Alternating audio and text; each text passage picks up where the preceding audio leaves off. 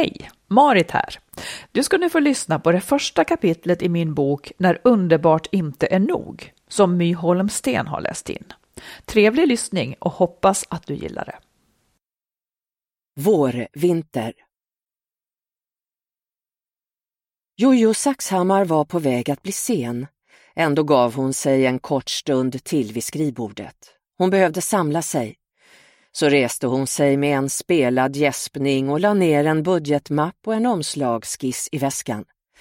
Med dröjande steg och blicken i mobilen rörde hon sig mot hängaren och hakade frånvarande ner kappan. Allt för att se ut som en chefredaktör som inte har några andra planer än att åka hem, äta middag och sen krypa upp i soffan med lite kvällsjobb. Om hon hade gjort som vanligt, rest sig brådska och med en halvkvävd svordom rafsat ihop sina saker, skulle medarbetarna garanterat ha vänt sina välvilliga ansikten mot henne och undrat Jaha, vad ska du hitta på för kul ikväll då? Och då hade hon behövt ljuga. Annette, hennes högra hand och magasinets redaktionschef, kom skyndande runt borden med tre utskrivna tidningssidor. Hinner du med de här innan du går? Annette drev ständigt på som om de låg riktigt illa till, vilket de sällan gjorde och absolut inte nu. Vi tar det imorgon, sa Jojo. Okej? Okay. Annette tippade huvudet på sne. De ljusblå ögonen lyste som platta pölar i hennes slutkörda ansikte. Jojo tog pappren och lade dem i väskan. Okej, okay, jag läser ikväll. Och så hjälps vi åt med det sista imorgon, blir det bra? Annette andades ut. Skönt, tack. Jojo sa ett lamt hej då, tillräckligt tyst för att gå medarbetarna förbi och gick iväg. Förresten, ropade Annette och följde efter. Layoutvikarien har fortfarande migrän och sen... Och här halvviskade hon. Och sen Jari. Jag fattar faktiskt inte hans schema. Nu har han gått tidigt idag igen. Jojo tvärstannade och vände sig om. Jari hämtar väl sina barn, sa hon medan hon drog åt kappskärpet. Men jag håller med, det är svårt att få grepp om hans schema. Prata gärna med honom imorgon. Okej, jag kollar. Jaha, vad hittar du på ikväll då? Fortsatte Annette och sjönk ner på en bordskant som om hon just gjorde slut på arbetsdagen och det var tid att flyta ut i småprat. Hem eller? Hem bara, sa Jojo. Bara hem. Du då? Jag har faktiskt tid hos coachen om en timme. Du vet, han. Jaha, bra. Men då ska jag inte uppehålla dig. Trevlig kväll. Och snyggt jobbat med karriärsidorna, sa Jojo och backade därifrån. Annette som tacksamt nog blev uppmuntrad av minsta lilla fick tillbaka glöden i blicken, gjorde segertecknet och återvände till redaktionen. Jojo skyndade på stegen. Måtte hon nu bara slippa stöta ihop med Danne. Hon gick snabbt genom det nyrenoverade kontorslandskapets olika redaktioner där doften av målarfärg och nyslipat trägolv ännu hängde kvar och närmade sig det stora glasrummet. Ett rum som vikts åt styrelsemöten, konsulter och diverse högdjur. Där skymtade hon ekonomichefen Theodor, en ranglig tvåmetersman i 45-årsåldern som slog sig ner vid ett av borden med kavajen lojalt kupad över den böjda ryggen. Och där, längre in i högdjursrummet, naturligtvis, Danne. Han vankade fram och tillbaka på den blå heltäckningsmattan, pratande i telefon med armarna vevandes baklänges, som om han ville spola tillbaka en förlorad förhandling. Jojo vinkade snabbt och lät honom förstå att hon hade bråttom. Han nickade frånvarande, uppslukad av samtalet, och Jojo slank äntligen ut i trapphuset. Hon fortsatte ner till garaget, in i det avgasluktande dunklet där hon stängde av sin mobil, plockade upp en överkörd scarf från det smutsiga golvet, skakade den och knöt den om en stolpe innan hon låste upp bilen och med en pust sjönk ner i sätet. En stund senare klev Jojo ur bilen på en gästparkering i Kista. Den som händelsevis tittade ut genom fönstret i något av betonghusen den här mars eftermiddagen skulle förmodligen ha lagt märke till den långa kvinnan som sicksackade mellan bilarna. Hon stack ut. Någon hemtjänstarbetare såg hon inte ut som, inte med den bilen. Och läkare eller sjuksyster på hembesök? Knappast. Det fanns inget kliniskt över henne.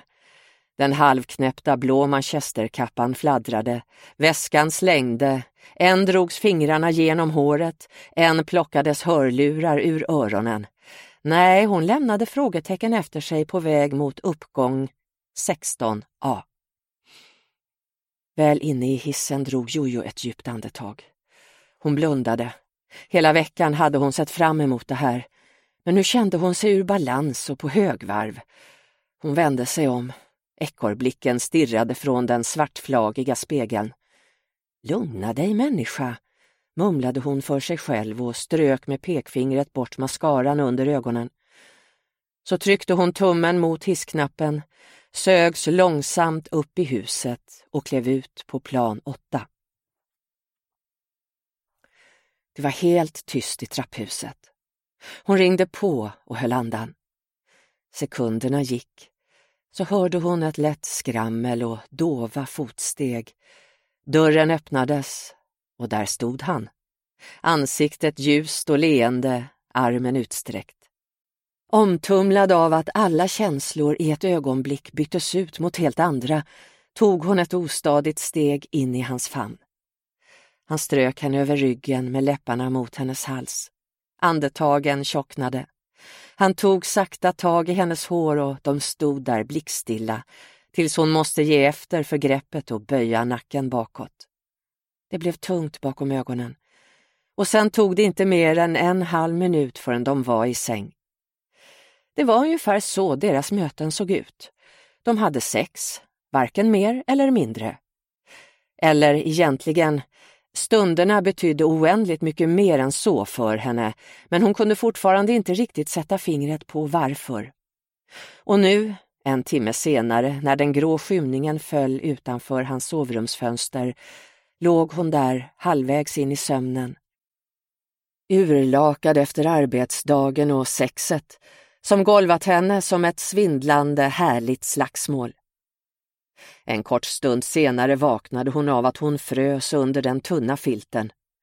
I dunklet i hörnet anade hon två överfulla Ikea-påsar med kläder och de hopvikta flyttkartongerna som stod lutade mot väggen. Hon satte sig upp med ens illa till mods. Det var något obehagligt med kvällen och mörkret som åt sig in i det gardinlösa rummet utan att erbjuda minsta hjälp nu när hon måste ta sig samman och åka därifrån. Hon trevade efter trosorna och behån. Han rörde sig invid henne. Sänglampan tändes och han kisade i det skarpa skenet. Du är fin du Jojo, sa han mjukt och strök fingret över hennes arm. Vill du ha en kopp te? Hans vänlighet och 42-åriga kropp skickade en våg av tacksamhet genom henne, strax följd av tacksamhetens fadda eftersmak. Tack, men jag måste åka, viskade hon. Hon krånglade sig upp ur sängen, kom på fötter och hoppades att han nu skulle titta bort när hon naken tassade ut i badrummet med klädhögen fastklämd under ena armen och väskan i skinn fånigt tryckt mot sitt eget skinn. Hennes kropp gjorde sig bäst påklädd. Eller möjligen liggande. Det var inget att hymla med eller skämmas för, men helt oblyg var hon heller inte. Hon längtade efter en dusch, men ville inte gärna be om en handduk. Det var inte läge för praktiska rutiner här. Det tillfälliga och ogenomtänkta var deras enda ursäkt. Hon rotade i väskan och petade in en tampong för att slippa rinnande kladd. Tampongerna inköpta enbart därför. Något mensblod hade hon inte skymtat på åratal. Så lirkade hon upp en sprucken tvålbit som låg inklämd mellan små rosa tandborstar och pärlarmband på tvättstället. Sköljde av ansiktet och drog snabbt på trosorna och jeansen. Hon hade svårt att hantera den här stunden. Träffarna byggde på att de var rusiga av lust, liksom bortom sig själva och ordlöst överens om riktningen. Men när sexet väl var avklarat hittade hon inte riktigt någon vettig samtalsnivå. Hon kunde varken vara chefig eller älskarinnemjuk och däremellan hade de liksom inget gemensamt. Så nu stod hon här med händerna bakom ryggen, otåligt hackande med bh-hyskorna för att pricka öglorna och ville ha något att säga. Hans skilsmässa, kunde hon fråga om den? Nej, det skulle låta som om hon törstade efter förtrolighet, eller ännu värre, som om hon ställde sig på kö. Annette var lite konfunderad över dina arbetstider, sa hon till sist. Men inte heller det lät som det skulle efter den långa tystnaden. Själva ansatsen blev för stor. Han dök upp i dörröppningen. Det korta, nästan vita håret lyste i skumrasket. Vad sa hon då? Alltså, det är ingen fara, ingen fara alls, sa Jojo. Annette menade bara att hon inte förstår sig på ditt barnhämtningsschema. Jaris långa bleka ansikte blev ännu längre. Vad är det hon inte förstår? Varför du gick tidigt idag till exempel? Eftersom du egentligen inte har barnhämtning. Jag menar inte att ifrågasätta, jag säger bara... Jari knäppte skjortan med långsamma fingrar. Alltså, jag har hämtat barnen idag. Flickorna är hos en kompis och leker nu, sa han. Det är inte så att jag skulle smita från jobbet för att du och jag... De utbytte en förvirrad blick. Jojo rodnade och la tillplattad ner hårborsten i väskan. Jari var också generad, men så log han äntligen och la armarna om henne. Förlåt, det var inte så jag menade, sa han. Jag menar bara, ingen fara, nej, nej, avbröt Jojo. Jag förstår precis hur du menar. Bra, sa Jari. Jag pratar med Annette så hon slipper undra. Och utan större åthävor än en kram i hallen gick Jojo därifrån. Den här gången hann hon inte mer än ner till våning fyra förrän våndan sköljde över henne. Hon var hans chef. Om de blev upptäckta skulle hon kallas cynisk och omoralisk och det skulle både vara sant och inte. Och ändå. Hon klev in i bilen, mässade sin man att hon var på väg hem och backade ut från parkeringen. Det här hade varit sista gången, tänkte hon. Det bara måste vara slut nu. Om du vill ha fortsättningen på historien så finns boken som pocket i bokhandeln och på nätbokhandlar som adlibris.com eller bokus.com. Eller så kan du ju lyssna vidare. Och just nu får du hela 50 dagars gratis lyssning på Bookbeat med rabattkoden Skilsmassopodden. Och det erbjudandet gäller endast nya Bookbeat-kunder. Men när Underbart inte är nog och mina andra böcker finns på alla ljudbokstjänster.